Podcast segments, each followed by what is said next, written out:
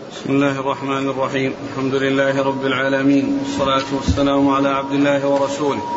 نبينا محمد وعلى آله وصحبه أجمعين. أما بعد فيقول أمير المؤمنين في الحديث أبو عبد الله أبو عبد الله البخاري رحمه الله تعالى في صحيحه في باب كيف كان بدء الوحي إلى رسول الله صلى الله عليه وسلم.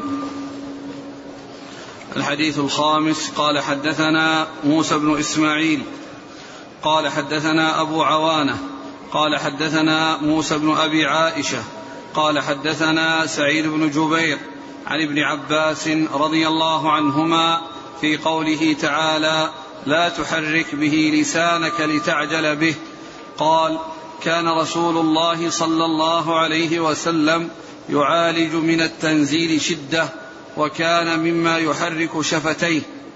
فقال ابن عباس فأنا أحركهما لكم كما كان رسول الله صلى الله عليه وسلم يحركهما. وقال سعيد أنا أحركهما كما رأيت ابن عباس يحركهما. فحرك شفتيه. فأنزل الله تعالى لا تحرك به لسانك لتعجل به. إن علينا جمعه وقرآنه. قال جمعه له في صدرك وتقرأه فإذا قرأناه فاتبع قرآنه.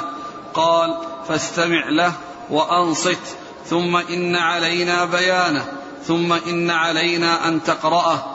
فكان رسول الله صلى الله عليه وسلم بعد ذلك إذا أتاه جبريل استمع فإذا, فإذا انطلق جبريل قرأه النبي صلى الله عليه وسلم كما قرأه. بسم الله الرحمن الرحيم. الحمد لله رب العالمين وصلى الله وسلم وبارك على عبده ورسوله نبينا محمد وعلى آله وأصحابه أجمعين. أما بعد فهذا من الأحاديث المتعلقة بالوحي إلى رسول الله صلى الله عليه وسلم المتعلقة بإيحاء القرآن إلى الرسول الكريم عليه أفضل الصلاة وأتم التسليم. وهو عن ابن عباس رضي الله تعالى عنهما أن النبي صلى الله عليه وسلم كان يعاني من من من, من الوحي ومن آه، إلقاء الوحي عليه شدة بمعنى أنه كان يعالج يعني آه، يحصل منه عند سماع القرآن من جبريل أنه كان يحرك لسانه وشفتيه وذلك ليحفظ القرآن الذي يلقى عليه صلوات الله وسلامه وبركاته عليه. وكان ذلك حرصا منه عليه الصلاة والسلام حتى لا يفوته منه شيء. فكان يفعل هذا الفعل وكان يحرك لسانه وشفتيه بالقراءة في الحال التي كان جبريل يلقي عليه القرآن ويقرأ عليه القرآن فكان يحرك شفتيه ولسانه صلوات الله وسلامه وبركاته عليه. ثم إن الله عز وجل أنزل عليه هذه الآيات الكريمات بأن الله عز وجل سيمكنه من حفظ ما يلقى عليه وأنه لا يحتاج إلى أن يعمل هذا العمل الذي يفعله حرصا منه صلى الله عليه وسلم على استيعاب وحفظ ما يلقى عليه صلوات الله وسلامه عليه من هذا القرآن الكريم فنزلت هذه الآيات التي فيها نهيه عن تحريك لسانه وكذلك شفتيه لأنه جاء في في القرآن لا تحرك به لسانك وجاء في بعض في, في, في الأحاديث منها يحرك كان يحرك شفتيه وفي بعضها أنه كان يحرك شفتيه ولسانه. كان يحرك شفتيه ولسانه استعجالا لحفظ ما يلقى عليه. فجاءت هذه الآيات الكريمات فيها نهيه صلى الله عليه وسلم عن تحريك اللسان وأن الذي يريده من الحفظ سيتحقق له دون أن يعمل هذا العمل. سيتحقق له وسيحصل له دون أن يعمل هذا العمل. فأنزل الله عز وجل عليه وقال وكان مما وكان مما وكان مما يعالج. وكان مما يحرك وكان صلى الله عليه وسلم يعالج من التنزيل شدة. وكان مما يحرك شفتيه. وكان مما يحرك شفتيه يعني يتكرر منه ذلك. ويحصل منه تكرر تحريك الشفتين من أجل المحافظة أو من أجل الحفظ للشيء الذي يلقى عليه صلى الله عليه وسلم. يعني يتكرر منه ذلك. والله عز وجل نهاه عن ذلك وأن ينصت ويصغي ويستمع لما يلقى عليه دون أن يحرك لسانه وشفتيه. والله عز وجل تكفل بأن يحفظ هذا الذي يلقى عليه دون أن يفعل هذا الفعل الذي يحصل منه صلى الله عليه وسلم حرصا على استيعاب ما يلقى عليه صلوات الله وسلامه وبركاته عليه. فأنزل الله عز وجل هذه الآيات الكريمات لا تحرك به لسانك لتعجل به يعني لتعجل بحفظه ولتتمكن من حفظه. ولهذا جاء في الآية الكريمة و آه، وكذلك أنزله لعلهم يتقون. ولا تعجل بالقرآن من قبل أن يقضى إليك وحيه. ولا تعجل بالقرآن من قبل أن يقضى إليك وحيه. يعني أنه لا يعجل في قراءته في شفتيه ولسانه قبل أن ينتهى من وحيه إليه وبرغبة ألا يفوته شيء. فجاءت يعني هذه هاتان الآيتان الكريمتان فيهما النهي للرسول عليه الصلاة والسلام عن الاستعجال في الحفظ وفي إرادة الاستيعاب بتحريك اللسان والشفتين منه صلوات الله وسلامه وبركاته عليه.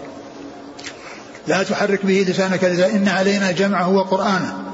يعني أن علينا أن نجمعه في صدرك وأن تستوعبه وأن تحفظه وأن لا يفوتك منه شيء وكذلك تقرأه. يعني في, كما كما قرئ عليك دون أن تعمل هذا العمل الذي كنت تعمله من أجل حفظه لا تحرك به لسانك العجل إن علينا جمعه وقرآنه. فإذا قرأناه يعني قرأه جبريل. قرأناه قرأه جبريل. لأن القراءة إنما هي من جبريل. فهو مطلوب منه أن يصغي ويستمع وينصت ثم إنه بعد ذلك يقرأه كما سمعه من جبريل دون أن يفوته منه شيء. وفي قوله فإذا قرأناه يعني الضمير في قرأناه المقصود بالقارئ الذي يقرأه جبريل ولم يسمعه من الله عز وجل لأن الوحي الذي يأتي به جبريل إلى الرسول صلى الله عليه وسلم يسمعه من جبريل ولا يسمعه من الله وإنما الذي سمعه من الله هو الذي حصل له ليلة المعراج عندما عرج به صلى الله عليه وسلم إلى السماء وكلمه الله عز وجل وسمع كلام الله من الله فكان كليم الرحمن كما أن موسى عليه الصلاة والسلام كان كليم الرحمن لأن الله تعالى كلم موسى وكلم نبينا محمدا صلى الله عليه وسلم فإذا قوله قرأناه هنا يراد بها قراءة الملك الذي هو جبريل الذي كان ينزل بالوحي إلى رسول الله صلى الله عليه وسلم. وهذا من جنس هذا الضمير هنا من جنس الضمير في قوله يجادلنا في قوم لوط. يجادلنا في قوم لوط. والمجادلة ما كانت لله عز وجل وإنما للملائكة كما جاءت موضحة ومبينة في الكتاب العزيز وفي سورة العنكبوت فإنه كان يعني يتكلم مع الملائكة ويحصل منه الكلام فيما يتعلق بقوم لوط إنما كان بينه وبين الملائكة وليس بينه وبين الله عز وجل. وكذلك مثل ذلك ما جاء في قول الله عز وجل ونحن أقرب و ونحن أقرب إليه منكم ولكن لا تبصرون فإن المقصود بهذا القرب هو قرب الملائكة. قرب الملائكة الذين حوله. وقد فسر بأن القرب من الله عز وجل يكون بالعلم ويكون بالقرب من الملائكة بقرب الملائكة وما جاء في هاتين الآيتين الكريمتين وهي في, في هذه الآية التي معنا فإذا قرأناه والقارئ إنما هو جبريل وليس الله عز وجل وكذلك يجادلنا في قوم لوط والمجادلة إنما هي بينه وبين الملائكة وليست بينه وبين الله عز وجل فإذا يعني يكون المقصود بالضمير الجمع إنه يرجع إلى الملائكة ولا يرجع إلى الله عز وجل. لا تحرك به لسانك لتعجل به إن علينا جمعه وقرآنه. فإذا قرأناه فإذا قرأناه أي قرأه جبريل فاتبع قرآنه يعني معناها أنه يعني ينصت ويصغي ويستمع لهذه القراءة التي حصلت من جبريل. فإذا فرغ فإن آه، الرسول عليه الصلاة والسلام يكون مستوعبا للشيء الذي قد تلي عليه والذي قرئ عليه من جبريل عليه الصلاة والسلام. وقوله قرآنه المقصود به القراءة لأن القرآن يأتي بمعنى المقروء الذي هو كلام الله عز وجل ويأتي بمعنى القراءة. وهنا المقصود به القراءة. فإذا قرأناه فاتبع قرآنه يعني قراءته. فاتبع قراءته. يعني اتبع قراءة جبريل يعني بمعنى أنه يستمع ويصغي ثم إنه يحفظ. ومن ذلك قول الله عز وجل وقرآن الفجر. فإن المقصود به قراءة الفجر. أن قرآن الفجر كان مشهودا يعني القراءة. التي في الفجر فإنها مشهودة تشهدها الملائكة وتحضرها الملائكة. وكذلك قل ولا تعجل بالقرآن من قبل أن يقضى إليك وحيه يعني لا يعجل بالقراءة. لا يعجل بالقراءة. وكذلك الحديث الذي ورد عن النبي صلى الله عليه وسلم أنه قال زينوا القرآن بأصواتكم. يعني زينوا القراءة بأصواتكم. فإن القراءة التي هي فعل العبد هي التي يعني يطلب من من العبد أن يحسنها وأن يزينها وذلك بحسن إلقائه وحسن تلاوته وليس المقصود بذلك القرآن نفسه أنه يزينه فإن الله فإنه زين ولا يحتاج إلى تزيين وإنما الزين أو التزيين للقراءة. وعلى هذا فإن القرآن يأتي ويراد به القرآن الذي هو كلام الله المقروء مثل ما جاء في الحديث أنزل القرآن على سبعة أحرف. أنزل القرآن على سبب أن هذا القرآن يهدي التي أقوى هذا المقصود به المقروء. المقصود به المقروء الذي هو كلام الله. أن هذا القرآن يهدي التي أقوى أي القرآن الذي هو كلام الله عز وجل. وأما لا فإذا فاتبع قرآنه المقصود به قراءته. زينوا القرآن بأصواتكم يعني زينوا القراءة بأصواتكم. فإذا هي تأتي بهذين المعنيين بمعنى المقروء الذي هو كلام الله وبمعنى القراءة التي هي فعل العبد وحركة العبد والتي يثاب الإنسان عليها في قراءته. كما جاء في الحديث أن أن أن الإنسان إذا قرأ القرآن فله بكل حرف عشر حسنات لا أقول ألف لام ألف لام حرف ولكن ألف حرف ولام حرف وميم حرف نعم اقرأ. عن ابن عباس في قوله تعالى لا تحرك به لسانك لتعجل به. قال كان رسول الله صلى الله عليه وسلم يعالج من التنزيل شدة وكان يعني يعالج من التنزيل شدة يعني عند عند تحمله عند تحمله يعاني منه شدة ولأنه كان يحرص على الحفظ فيحصل من تحريك الشفتين واللسان من أجل أن لا يفوت شيء فكان يهتم ويحرص على ذلك وكان يحرص هذا الحرص الشديد فنهي عن هذا الفعل وأن الله عز وجل سيحقق له ما يريد دون أن يحصل منه هذا العناء وهذه الشدة. كان يعاني من القرآن؟ كان صلى الله عليه وسلم يعالج. من التنزيل نعم شدة. نعم نعم. وكان مما يحرك شفتيه. يعني هذا من من من من من, من الشدة التي يعني آه، كان يعالجها ويعانيها أنه كان يحرك شفتيه من أجل الحرص على استيعاب ما يلقى عليه وألا يفوته منه شيء. وفيه التكرار لأن قوله كان مما يعني ماذا من هذا من شأنه ومن طريقته. أنه كان يعني يحصل منه هذا الشيء. وكان مما يحرك شفتيه. نعم.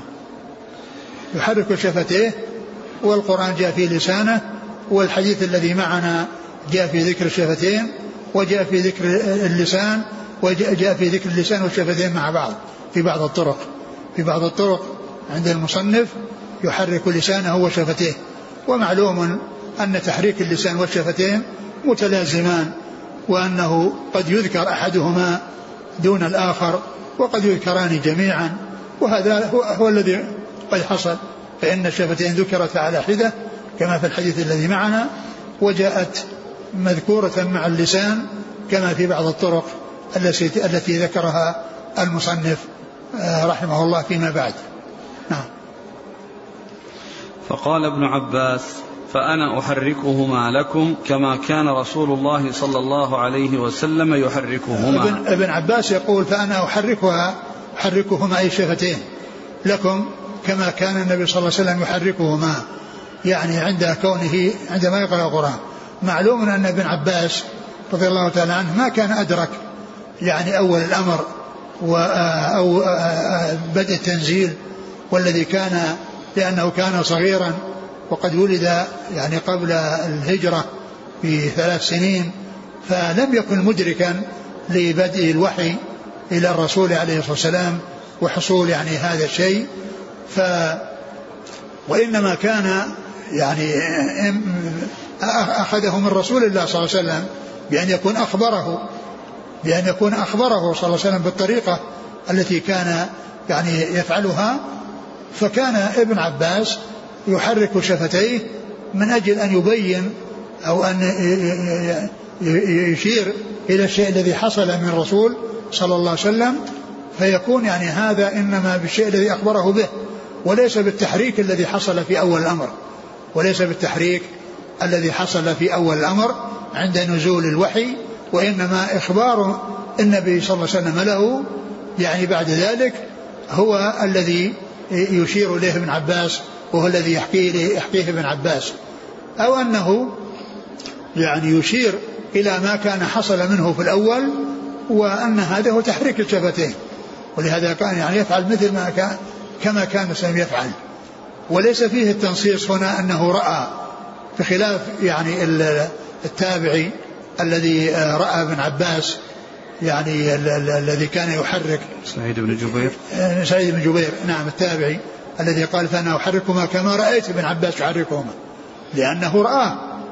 وأما آه، ابن عباس لم يرى النبي صلى الله عليه وسلم في أول الأمر وإنما يعني آه، عرف ذلك من تعليم النبي صلى الله عليه وسلم وإخبار النبي صلى الله عليه وسلم له بذلك. أو أنه عرفه من بعض الصحابة الذين يعني يعني آه، كانوا شاهدوا ذلك ويكون هذا من مراسيل الصحابة.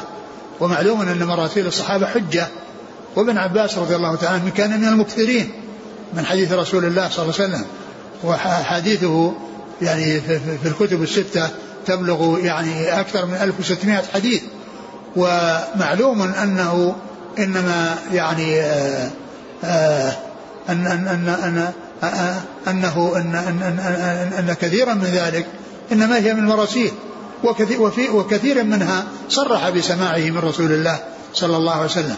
ولكن المراسيل من الصحابة لا تؤثر لأن الصحابي إذا أضاف ذلك الرسول صلى الله عليه وسلم وإما إما سمعه من رسول الله عليه الصلاة والسلام أو سمعه من أحد من الصحابة فإضافته إلى الرسول عليه الصلاة والسلام تعتبر من مراسيل الصحابة ومراسيل الصحابة حجة معتبرة عند العلماء. نعم قال. فقال ابن عباس فأنا أحركهما لكم كما كان رسول الله صلى الله عليه وسلم يحركهما. وقال سعيد أنا أحركهما كما رأيت ابن عباس يحركهما. فقال سعيد فأنا أحركهما كما رأيت ابن عباس يحركهما. لأنه قال هنا رأيته وقد جاء في بعض الروايات يعني ذكر ابن عباس رأيته. ويكون يعني هذه الرؤية إنما تكون للتعليم الذي كان أو الإخبار الذي أخبره به صلى الله عليه وسلم. ليست إخبارا عن الشيء الأول الذي في ذكر الرؤية. وأما قوله كما كان النبي صلى الله عليه وسلم فإن ذلك آه، يمكن أن يعني يعرف كيفية التحريك وأنه يحركها ولا يحركهما ولكن آه، آه، فيما يتعلق بالتابعي يعني شاهد ابن عباس وابن عباس إنما شاهد النبي صلى الله عليه وسلم وهو يعلمه ولم يشاهده وهو في أول الأمر لأنه ما أدرك ذلك الزمان أي ابن عباس رضي الله تعالى عنهما. نعم. فحرك شفتيه فأنزل الله تعالى لا تحرك به لسانك لتعجل به إن علينا جمعه وقرآنه. وهذا فيه بيان السنة للقرآن وأنها توضحه وتبينه لأن السنة توضح القرآن وأسباب النزول يعني من الأشياء التي تبين يعني تفسير القرآن وتوضح المراد من من كلام الله سبحانه وتعالى. لأن ابن عباس رضي الله تعالى عن عنهما بين ذلك في في هذا الحديث. نعم. قال جمعه له في صدرك وتقرأه. فإذا قرأناه فاتبع قرآنه. قال فاستمع له وأنصت. ثم نعم يعني جمعه في صدرك. يعني هذا الذي كان يريد بالاستعجال الحفظ والاستيعاب هو متحقق له آه، بتوفيق الله عز وجل وبمشيئة الله وإرادته وقدرته سبحانه وتعالى أن يجعله حافظا لكل ما يلقى عليه دون تحريك الشفتين دون أن يحرك شفتيه. صلوات الله وسلامه وبركاته عليه. فإن علينا جمعه في صدرك بحيث تستوعبه ولا يفوتك منه شيء وكذلك قرآنه بأن تقرأه كما يعني جمع في صدرك. فإذا ثم إنه أرشده إلى أنه عندما يقرأ عليه الملك فإنه يستمع ويعني يحصل له ما يريد. قال فإذا قرأناه وقرأه الملك فيعني فإن عليه أن ينصت وأن يستمع وأن لا يفوته منه شيء. نعم. فإذا قرأناه فاتبع قرآنه قال فاستمع له وأنصت ثم إن علينا بيانه ثم إن علينا أن تقرأه. فكان رسول الله صلى الله عليه وسلم بعد ذلك إذا أتاه جبريل استمع فإذا انطلق جبريل قرأه النبي صلى الله عليه وسلم كما قرأه. يعني أن الفترة التي يكون جبريل عنده يلقي عليه القرآن هو مستمع ومنصت وعندما آه، ينتهي جبريل ويذهب فإن النبي صلى الله عليه وسلم يقرأه على الناس كما قرأه عليه جبريل. الله تعالى مكنه من حفظه وجمعه له في صدره وقرأه كما قرئ عليه صلوات الله وسلامه وبركاته عليه فهذه الآيات أو في أو هذا الحديث فيه توضيح معاني هذه الآيات والسنة تبين القرآن وتوضحه وتدل عليه ولا يفصل بين السنة والكتاب ولا يستغنى بالكتاب عن السنة بل لا بد من الجمع بينهما ولا بد من الأخذ, الأخذ بهما جميعا لأن الكل وحي من الله سبحانه وتعالى. القرآن وحي من الله والسنة وحي من الله وكلها متعبد بالعمل بها. ولا يستغنى بالقرآن عن السنة. ومن زعم أنه يستغني بالقرآن عن السنة فهو كافر بالكتاب والسنة. نعم. قال حدثنا عبدان قال أخبرنا عبد الله. ولو لم يكن ولو لم يكن يعني من من من منه إلا يعني ال ال عدم الاتيان بتحقيق ما جاء في قول الله عز وجل وما آتاكم الرسول فخذوه وما نهاكم عنه فانتهوا. وما كان لمؤمن ولا مؤمن إذا قضى الله ورسوله أمرا أن يكون لهم الخيرة من أمرهم. فإن تنازعتم في شيء فردوه إلى الله والرسول. فإن الرد إلى كتاب الله وإلى سنة رسول الله عليه الصلاة والسلام. والقرآن يعني فيه أشياء في السنة لا وجود لها في القرآن. ومن زعم أنه يستغني بالقرآن عن السنة فكيف يصلي؟ من أين له أن صلاة الظهر أربع ركعات في القرآن؟ لا يوجد في القرآن الظهر أربع ركعات. وليس في القرآن أن الفجر ركعتين وليس في القرآن الفجر المغرب ثلاث ركعات. فإن هذه إنما هي مستفادة من السنة. مستفادة من السنة. فمن قال إنه يستغني بالقرآن عن السنة فإنه كافر بالكتاب والسنة. وكيف يصلي؟ كيف يصلي الإنسان الصلوات المفروضة التي فرضها الله؟ بل جاء في في الحديث صلوا كما رأيتموني يصلي وجاء في الحج خذوا عني مناسككم. فكل هذا فيه بيان أنه لا بد من الأخذ بالسنة كما أنه لا بد من الأخذ بالقرآن. نعم. نعم قال حدثنا. قال حدثنا عبدان قال أخبرنا عبد الله. الأول. قال حدثنا موسى بن إسماعيل. موسى بن إسماعيل التبوذكي. موسى بن إسماعيل التبوذكي. وهو من من من من حفاظ المصريين. وهو حفاظ؟ نعم. من حفاظ؟ حفاظ البصريين نعم. نعم البصريين ومن حفاظ البصريين و وهو جد لابن أبي عاصم من جهة أمة. ابن أبي عاصم صاحب السنة. هو جده من جهة أمة. نعم. لا في الفتح المصريين. مصريين ولا بصريين؟ هو الصواب بصري لكن نعم. هنا خطأ إذا نعم. في الفتح مكتوب المصريين. المصريين؟ نعم. المصريين؟ نعم. لا هو بصري قال حدثنا أبو عوانة. أبو عوانة الوضاح بن عبد الله اليشكري. وهو مشهور بكنيته أبو عوانة. مشهور بكنيته أبو عوانة. والكنى فائدتها مع معرفة الأسماء ألا يظن الشخص الواحد شخصين فيما إذا ذكر مرة في آه، باسمه ومرة بكنيته فإن من لا يعرف يظن أن هذا غير هذا ولكن من عرف أن هذا هو هذا وأن هذه اسم وهذه كنية عرف أنه شخص واحد. وهذا كثير يعني من, الذين اشتهروا بالكنى ومثل ذلك الاشتهار بالألقاب. فإن من لا يعرف أن هذا اللقب لهذا الرجل يظن أن ما جاء في اللقب اسم شخص معين شخص وما جاء في الاسم شخص آخر.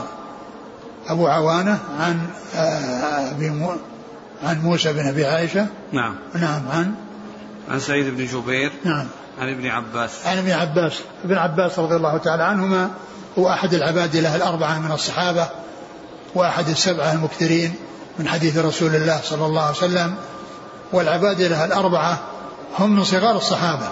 هم عبد الله بن عباس عبد الله بن عمر عبد الله بن عمرو عبد الله بن الزبير وكلهم من صغار الصحابة وقد آه، يعني أدركهم كثير من التابعين وقد آه، ذكر بعض أهل العلم أن عبد الله بن مسعود أحد العبادلة من الصحابة المشهورين الأربعة ولكن المشهور أن الأربعة كلهم من صغار الصحابة وأما ابن مسعود فهو من كبارهم وكان متقدما عليهم بثلاثين سنة يعني في الوفاة لأن ابن مسعود توفي سنة 32 وهم توفوا يعني فوق الستين أو فوق السبعين فأدركهم بل لم يدرك ابن ابن مسعود فكانوا بذلك آه، آه، في زمن متقارب وهم من صغار الصحابة وهم كلهم صحابة أبناء صحابة. كلهم أبناء صحابة أبناء صحابة. وأيضا هو من السبعة المعروفين بكثرة الحديث عن النبي صلى الله عليه وسلم و وهم أبو هريرة وابن عباس وابن عمر وعائشة وجابر وأنس و سعيد الخدري. و وأبو سعيد الخدري. هؤلاء سبعة زادت أحاديثهم في الكتب الستة على أكثر من عشر من أكثر من ألف على أكثر من ألف مع تفاوتهم بعد ذلك. مع تفاوتهم بعد ذلك. والذي يعنى بذكر آه، أحاديث الصحابة سواء كان من المكثرين أو من غير المكثرين هو في الخلاصة الخزرجي فإنه عندما يترجم للصحابي يذكر عدد ما له من من الكتب من الحديث في الكتب. ثم يقول اتفق أي البخاري ومسلم على كذا وانفرد البخاري بكذا ومسلم بكذا. فإذا من فوائد الخلاصة لخلاصة تذهيب تهذيب الكمال للخزرجي التي هي مبنية على تذهيب تذهيب التهذيب اللي هو للذهبي فمن فوائدها أو من من الأشياء التي تستفاد منها أنه عند الترجمة للصحابي يعرف عدد ما له من الكتب من الأحاديث في هذه الكتب ومعرفة ما كان في الصحيحين مقدار ما كان في الصحيحين وما كان في أحدهما. نعم. وقد جمعهم السيوطي في الألفية حيث قال والمكثرون في رواية الأثر. أبو هريرة يليه بن عمر وأنس والبحر كالخدري وجابر وزوجة النبي. فهؤلاء السبعة هم الذين عرفوا بكثرة الحديث عن النبي صلى الله عليه وسلم والذين زادت أحاديثهم في الكتب الستة على أكثر من ألف حديث. صلى الله عليك موسى بن إسماعيل. التبو ذكي. تبو ذكي نعم. هذه نسبة إلى إيش؟ ما أدري ما أدري. هذا يعني ذكر شيء كأنه يقول أنها إلى مهنة.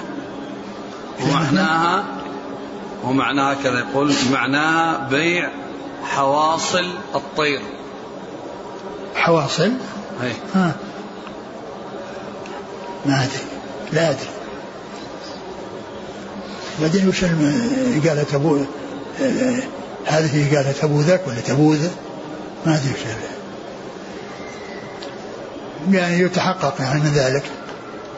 يرجع إلى كتاب آه، سمعاني أو أو آه، م- مختصرة الذي هو لابن الأثير الذي هو اللباب في تهذيب الأنساب. يعني يبين ذلك. أنا لا أتذكر الآن حقيقة هذه النسبة حقيقة النسبة. ولا أدري يعني كيف يعني يعني هذه ألو...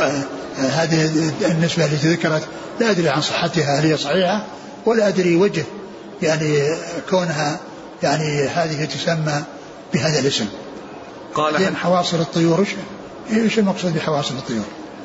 حواصل الطيور يعني الحواصل يعني آه، آه، يعني آه، المكان الذي يجتمع فيه فيه الحب حاصل يعني يجتمع فيه الحب يعني إذا أكله الطائر أو الطعام الذي يأكله الطائر يعني وهل الحواصل أنها ت- تفرد من الطيور وتباع وحدها بدون الطيور؟ ما أدري عنها قال حدثنا عبدان قال أخبرنا عبد الله قال أخبرنا يونس عن الزهري. ها قال وحدثنا بشر بن محمد قال أخبرنا عبد الله قال أخبرنا يونس ومعمر عن الزهري نحوه قال أخبرني عبيد الله بن عبد الله عن ابن عباس رضي الله عنهما أنه قال كان رسول الله صلى الله عليه وسلم أجود الناس وكان أجود ما يكون في رمضان حين يلقاه جبريل وكان يلقاه في كل ليلة من رمضان فيدارسه القرآن فلرسول الله صلى الله عليه وسلم أجود بالخير من الريح المرسلة. ثم ذكر هذا الحديث عن ابن عباس أيضا رضي الله تعالى عنه وفيه ما يتعلق بكون ال- الرسول صلى الله عليه وسلم يأتي إليه جبريل في شهر رمضان فيدارسه القرآن يعني يدارسه بأن يسمع بأن يقرأ جبريل ويسمع من منه النبي صلى الله عليه وسلم ويقرأ جبريل ويسمع ويقرأ النبي صلى الله عليه وسلم ويسمع منه جبريل. هذه المدارسة مفاعلة من الجانبين. يعني آه، آه، الرسول صلى الله عليه وسلم يقرأ وجبريل يسمع. وجبريل يقرأ والنبي صلى الله عليه وسلم يسمع. وهذا فيه تثبيت للحفظ والمقصود بهذه المدارسة أنه كان يدارسه من رمضان إلى رمضان الشيء الذي نزل قبل ذلك. يعني فرمضان الأول الذي بدأ المدارسة فيه دارسه في الشيء الذي نزل قبل قبل رمضان الأول الذي درس فيه. ثم بعد رمضان رمضان الثاني يعني يقرأ الشيء الذي يدارسه الشيء الذي سبق يعني والشيء الذي جد بعد رمضان الذي الذي فات. فكان فكانت تحصل مدارسة لكل ما مضى قبل رمضان. وكل يعني سنة تزيد في المقروء لأنه يعني في كل سنة يعني يحصل الوحي ويحصل نزول القرآن فيكون قرأ الأول الذي كان قرأه في في رمضان الماضي وما نزل بعد رمضان الماضي إلى رمضان الحاضر ف حتى انتهى الأمر إلى آخر رمضان وهو رمضان السنة العاشرة وهو آخر رمضان أدركه رسول الله صلى الله عليه وسلم حيث آه، عارضه فيه مرتين. لأنه قبل ذلك كان يعارضه مرة يعني وفأما في آه، المرة الأخيرة وفي رمضان الأخير في رمضان السنة العاشرة فإنه عارضه فيه مرتين يعني كل ما نزل قبل ذلك. وفي يعني في هذا بيان إطلاق الشيء على بعضه لأن إطلاق الشيء على بعضه وذلك أن أنه في رمضان الأول آه، إنما يقرأ يعني شيء من القرآن الذي نزل قبل ذلك الذي نزل يعني قبل رمضان. ثم بعد ذلك كل مرة يأتي زيادة. وقراءته كاملا واستعراضه كاملا يعني إلا الشيء اليسير الذي نزل بعد ذلك يعني بين رمضان وبين وفاته صلى الله عليه وسلم في أواخر السنة العاشرة وأوائل السنة الحادية عشر صلوات الله وسلامه وبارك عليه.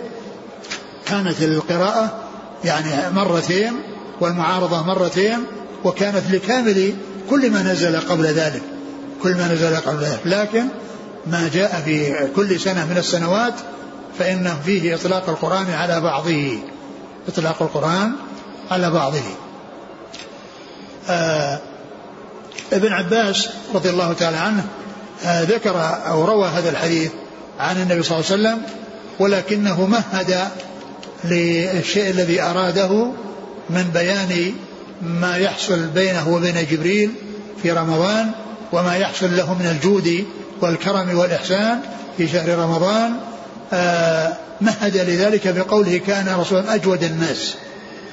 يعني في كل وقت وكل حين. يعني كان أجود الناس في جميع أحواله صلى الله عليه وسلم. في رمضان وغير رمضان. فهذا يسمونه احتراس.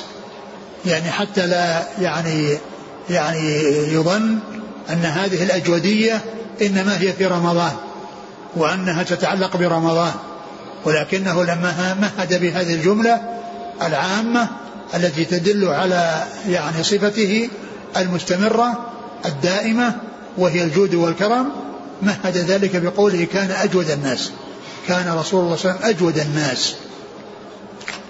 يعني احتراسا عن أن يفهم أنه لو لم يأتي بها قال كان أجود ما يكون في رمضان تكون الأجودية خاصة في رمضان.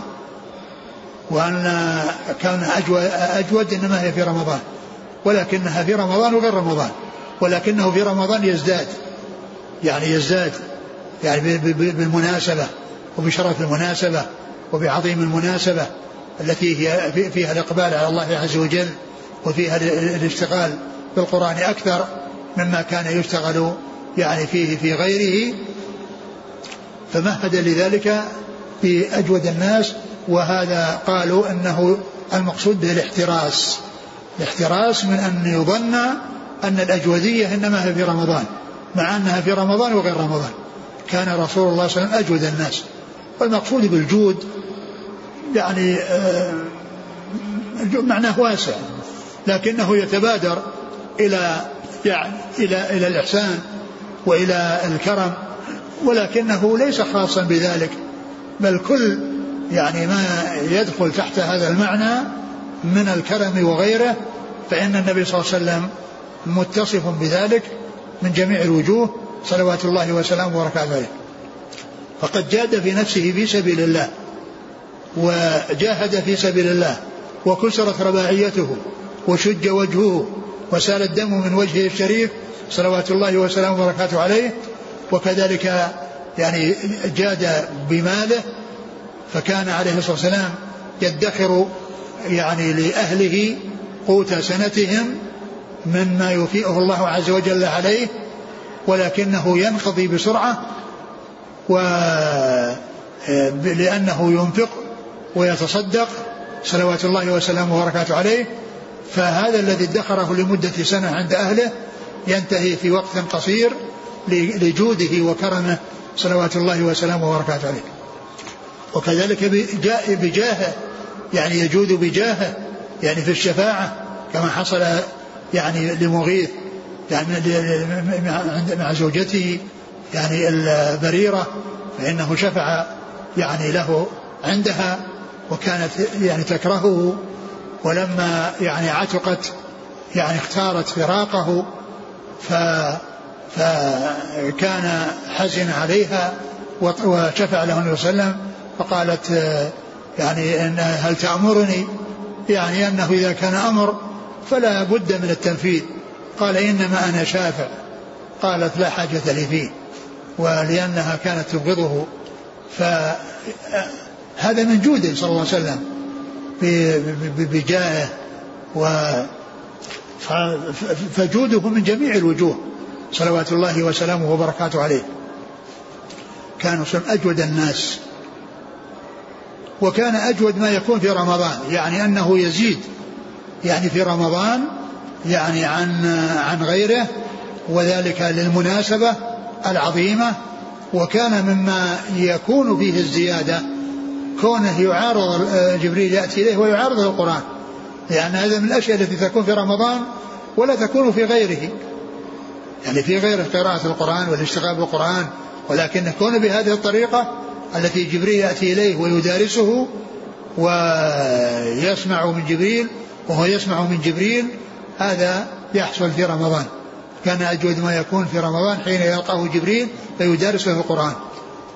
والاشتغال بالقرآن ومدارسته يعني من أسباب يعني آه، آه، سمو النفس ويعني آه، إقدامها على على الإحسان وعلى النفع في جميع وجوه النفع كان يعني ذلك لكثرة الاشتغال بالقرآن وكثرة سماع القرآن أو قراءة, قراءة القرآن يعني من الأسباب التي يعني يكون فيها زيادة الجود وزيادة الكرم وزيادة الإحسان.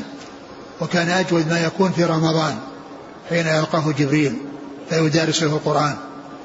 فلا رسول الله صلى الله عليه وسلم. وكان, وكان يلقاه في كل وكان يلقاه في كل ليلة من رمضان. نعم وكان يلقاه في كل ليلة من رمضان. كان يلقاه في كل ليلة من رمضان فيدارس له القرآن. و وكان يعني آه، يعرض عليه أو أو يعني يحصل قراءة من هذا ومن هذا. آه، كل ما كان تقدم من آه، قبل رمضان كل ما تقدم نزوله قبل رمضان كان يراجعه ويدارسه لجبريل. وفي المرة الأخيرة كما عرفنا عرضه القرآن مرتين. نعم. فلرسول الله صلى الله عليه وسلم أجود بالخير من الريح المرسلة.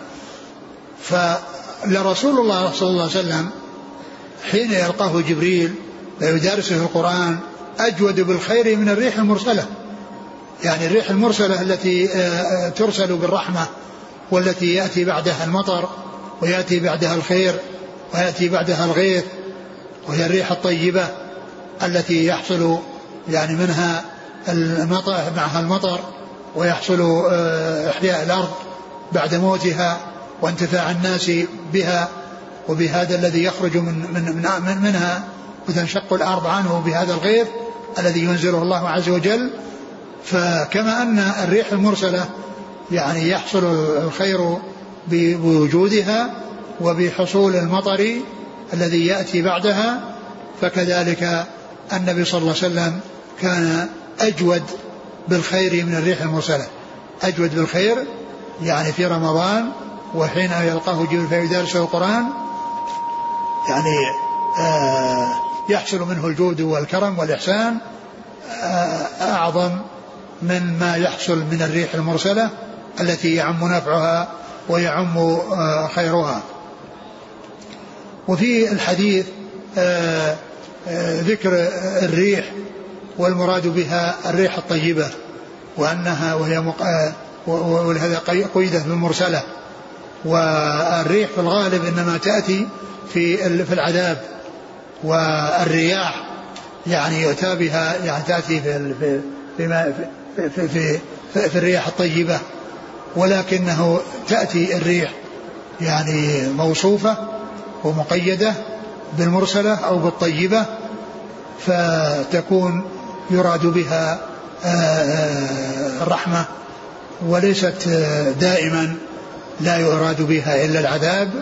نعم هي عند إطلاقها في الغالب يراد بها العذاب ولكنها قيدت بالقرآن يعني ريح طيبة وفرحوا بها وهنا جاء تقييد الريح بأنها مرسلة يعني مرسلة بالرحمة ومرسلة بالخير الذي يعم آه، يعم نفعه بسبب هذا المطر الذي ينزل.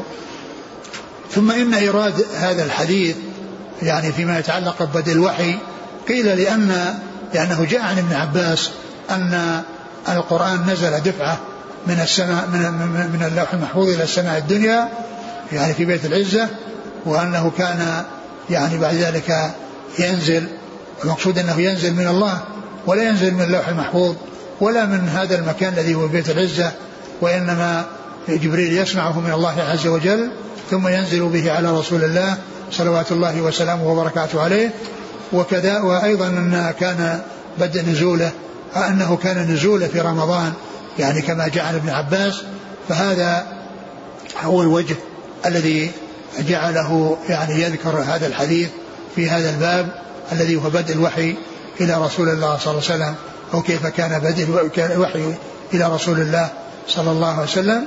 ففيه ذكر الوحي وذكر مدارسة القرآن لهذا الوحي مع مع جبريل رسول الله صلى الله عليه وسلم. وسماعه منه هذا يسمع من هذا وهذا يسمع من هذا. أقرأ الحديث. عن ابن عباس قال كان رسول الله صلى الله عليه وسلم أجود الناس وكان أجود ما يكون في رمضان حين يلقاه جبريل وكان يلقاه في كل ليلة من رمضان فيدارسه القرآن فلرسول الله صلى الله عليه وسلم أجود بالخير من الريح المرسلة. نعم. قال الحافظ في الفتح وقع عند أحمد في آخر هذا الحديث لا يسأل شيئا إلا أعطاه. نعم. يعني بيان بيان جوده. يعني أقول يعني بيان يعني جوده. ومعلوم أن أن أن الجود في الغالب يكون في العطاء وفي البذل ولكنه يعني يدخل أو يشمل غيره مثل الجود بالجاه والجود بالنفس. نعم. قال حدثنا عبدان. عبدان هو عبد الله بن عثمان المروزي. عبد الله بن عثمان المروزي وهو عبدان لقب له وهذا من الألقاب التي تؤخذ من الأسماء لأن أحيانا تأتي الألقاب يعني من مشتقة من الأسماء. فعبدان مأخوذ من عبد الله مثل عباد هذا مأخوذ من عبد الله ومثل دحيم مأخوذ من عبد الرحمن. وهكذا يعني تأتي آه، ألقاب تشتق من الأسماء. فكان عبد الله بن عثمان المروزي هذا لقبه عبدان وهو يعني هنا مذكور بلقبه مذكور بلقبه لكونه مشتهرا به. نعم. قال أخبرنا عبد الله. عبد الله هو ابن مبارك المروزي. عبد الله بن مبارك المروزي. فهو مروزي يروي عن مروزي. وعبد الله بن مبارك إمام. يعني من من من من من من, من, من كبار المحدثين الذين يعني حصل الثناء عليهم من أهل العلم والثناء عليه عظيم وكثير. وكان من آه، مما ذكر قد ذكر الحافظ بن حجر في تقريب التهذيب أنه قال ثقة ثبت فقيه إمام جواد مجاهد جمعت فيه خصال الخير جمعت فيه خصال الخير. وقال يعني بعض العلماء ما أرى للصحابة فضلا عليه إلا بكونهم صحبوا رسول الله صلى الله عليه وسلم وجاهدوا معه. يعني معناه أنه يعني من أهل الفضل وأهل النبل وأهل الصفات الحميدة وهذا يبين عظيم منزلته يعني رحمة الله عليه. وما ذكر يعني في ترجمته أنه قال إنه كان يعني يعني أخذ قلما من إنسان في الشام ونسي أن يرده عليه ولما وصل إلى مرو وإذا القلم معه فرجع إلى الشام من أجل يرد القلم من أجل أن يرد القلم. والسفر كان على الإبل وعلى في غاية المشقة. ف يعني ذكر كثيرا من من من من أخلاقه ومن خصاله ومن صفاته. رحمة الله عليه.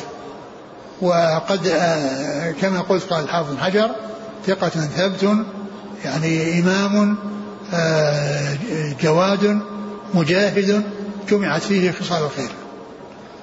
نعم. قال أخبرنا يونس عن يونس يونس بن يزيد الأيلي. يونس بن يزيد الأيلي عن الزهري وهو محمد بن مسلم بن عبد الله بن عبد الله بن شهاب الزهري. اشتهر بأمرين أو بشيئين. أحدهما يقال له الزهري والثاني يقال ابن شهاب. والزهري نسبة إلى زهرة بن كلاب الذي يعني هو يعني في أول في أصل نسبه فيقال له الزهري نسبة إلى زهرة بن كلاب نسبة لجد بعيد. وأما ابن شهاب فهي نسبة إلى جد جده لأنه محمد بن مسلم بن عبيد الله بن عبد الله بن شهاب فهو اشتهر بالنسبة إلى جد جده شهاب واشتهر بالنسبة أيضا إلى الزهري نسبة إلى زهرة ابن كلاب. نعم.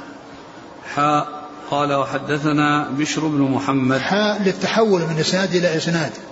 حاء للتحول من إسناد إلى إسناد لأنه آه، يؤتى بها حتى يتضح أن الذي بعدها رجع إلى الأصل أو إلى أول الإسناد وأنه جاء إسناد آخر يعني آه، يبدأ من حيث بدأ الإسناد الأول.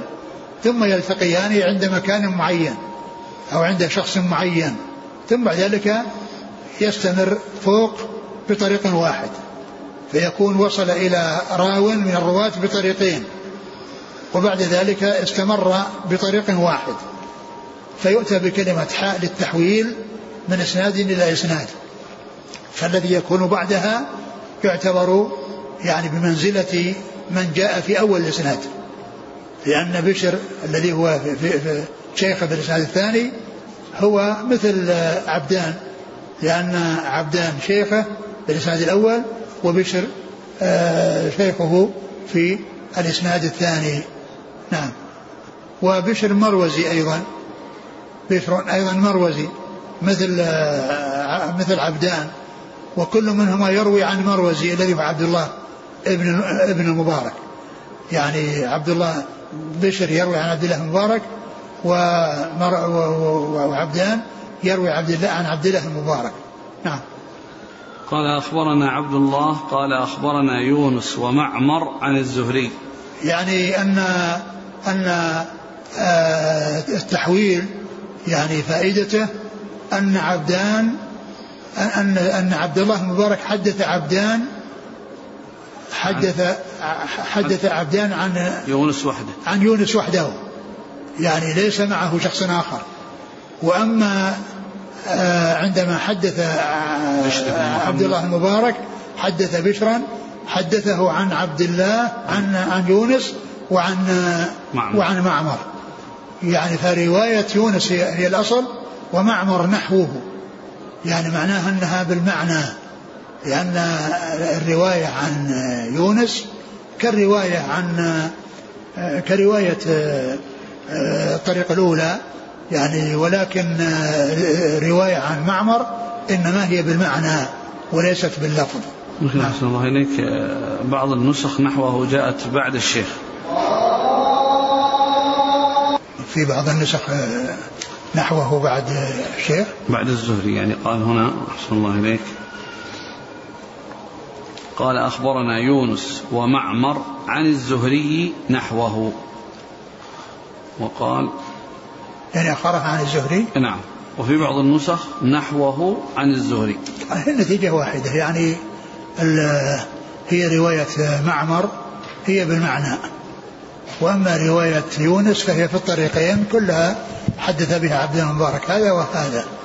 ولكن الشيء الجديد وهو الذي من أجله حصل التحويل يعني يكون فيه الرواية عن معمر وأنها بالمعنى. وأما يعني بدون ذلك فإن فإن الإسنادين متفقان. قال أخبرني عبيد الله بن عبد الله عن ابن عباس. عبيد الله بن عبد الله هذا ابن عتبة بن مسعود وهو ثقة فقيه وأحد فقهاء المدينة السبعة في عصر التابعين الذين اشتهروا بهذا اللقب فقهاء فقهاء المدينة السبعة فاشتهروا بهذا اللقب وهو يغني عن ذكر أسمائهم فإنه يأتي في بعض المسائل يقال في مسألة وقال بها الفقهاء السبعة.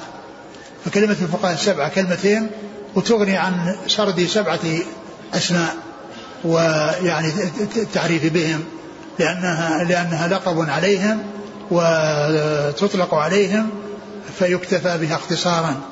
ولهذا عندما يأتون في مسألة في بعض المسائل مثل مسألة فروض التجارة والزكاة في عذر التجارة يقولون قال بها الفقهاء السبعة وقال بها الفقهاء السبعة.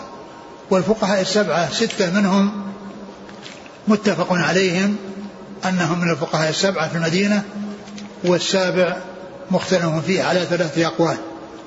فمنهم من قال إن السابع آه، أبو بكر بن عبد الرحمن بن حارث بن هشام ومنهم من قال إن السابع سالم بن عبد الله بن عمر ومنهم من قال إن السابع أبو سلمة بن عبد الرحمن بن عوف و وأما الستة الذين هم غير هؤلاء فإنهم متفق على عدهم وهم سعيد بن المسيب وعروة بن الزبير والقاسم بن محمد وعبيد الله هذا الذي معنا وخارجة بن زيد والسادس آه، سليمان بن يسار.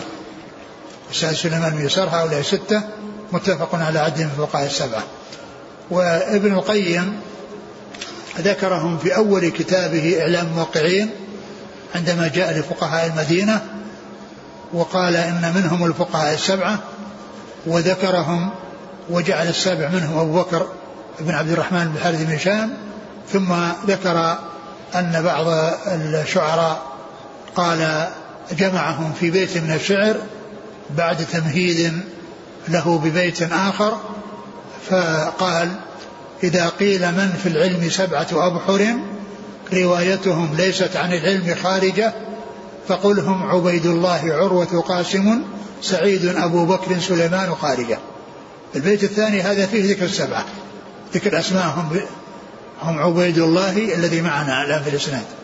عروة بن الزبير بن العوام قاسم القاسم محمد بن أبي بكر.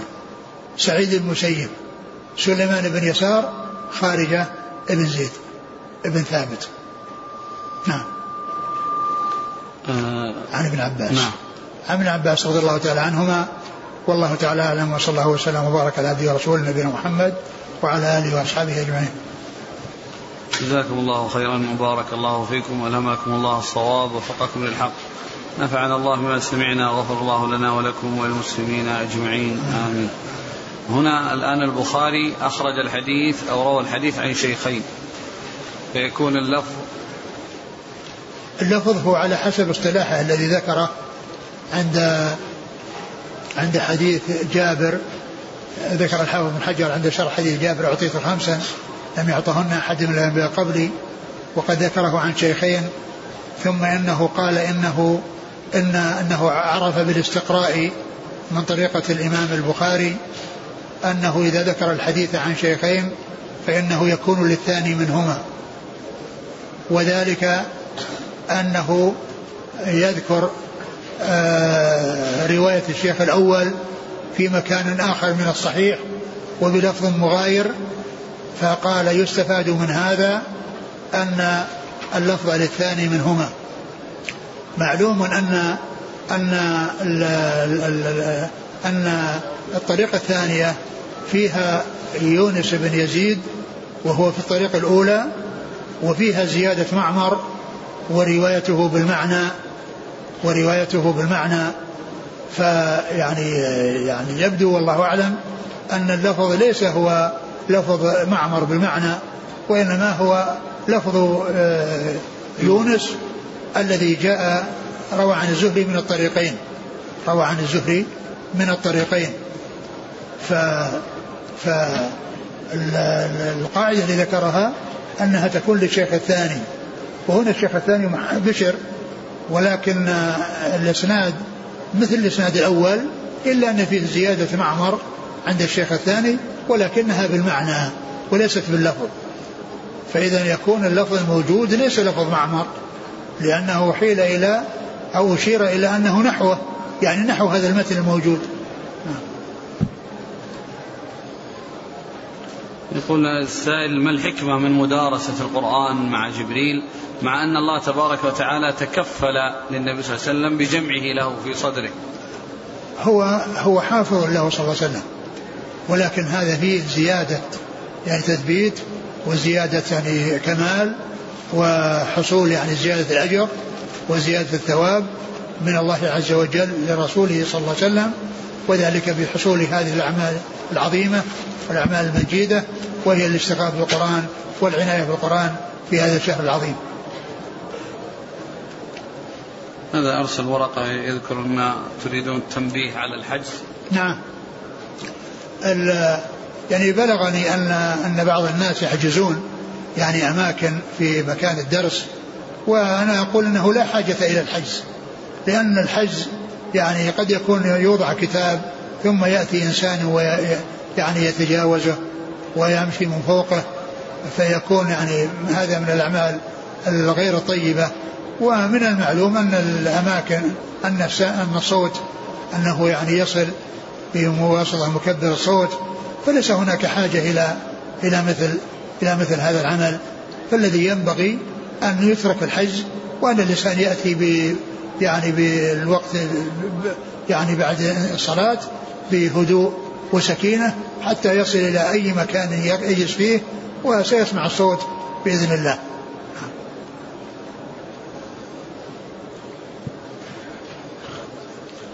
هل يلزم من مدارسة الرسول صلى الله عليه وسلم مع جبريل أن يدل هذا على فضل جبريل؟ المدارسة تكون مع من هو أفضل؟ لا ما يقال مع من هو أفضل. لكن يدل على الفضل لا على الأفضلية.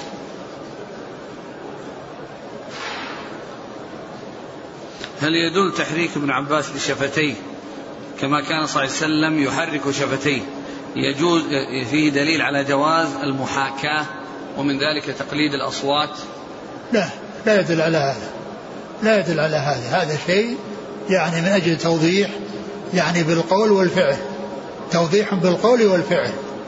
وأما محاكاة الأصوات هذا تكلف وكون الإنسان يأتي بشيء يعني يتكلفه فيقلد غيره وقد يكون يعني هذا التقليد يعني فيه ذم وقد يكون يعني فيه مدح لكن هذا الذي حصل من عباس ليس من هذا القبيل لأن هذا كله يعني إيضاح بالفعل مع الإيضاح بالقول لأنها جمع بينهما.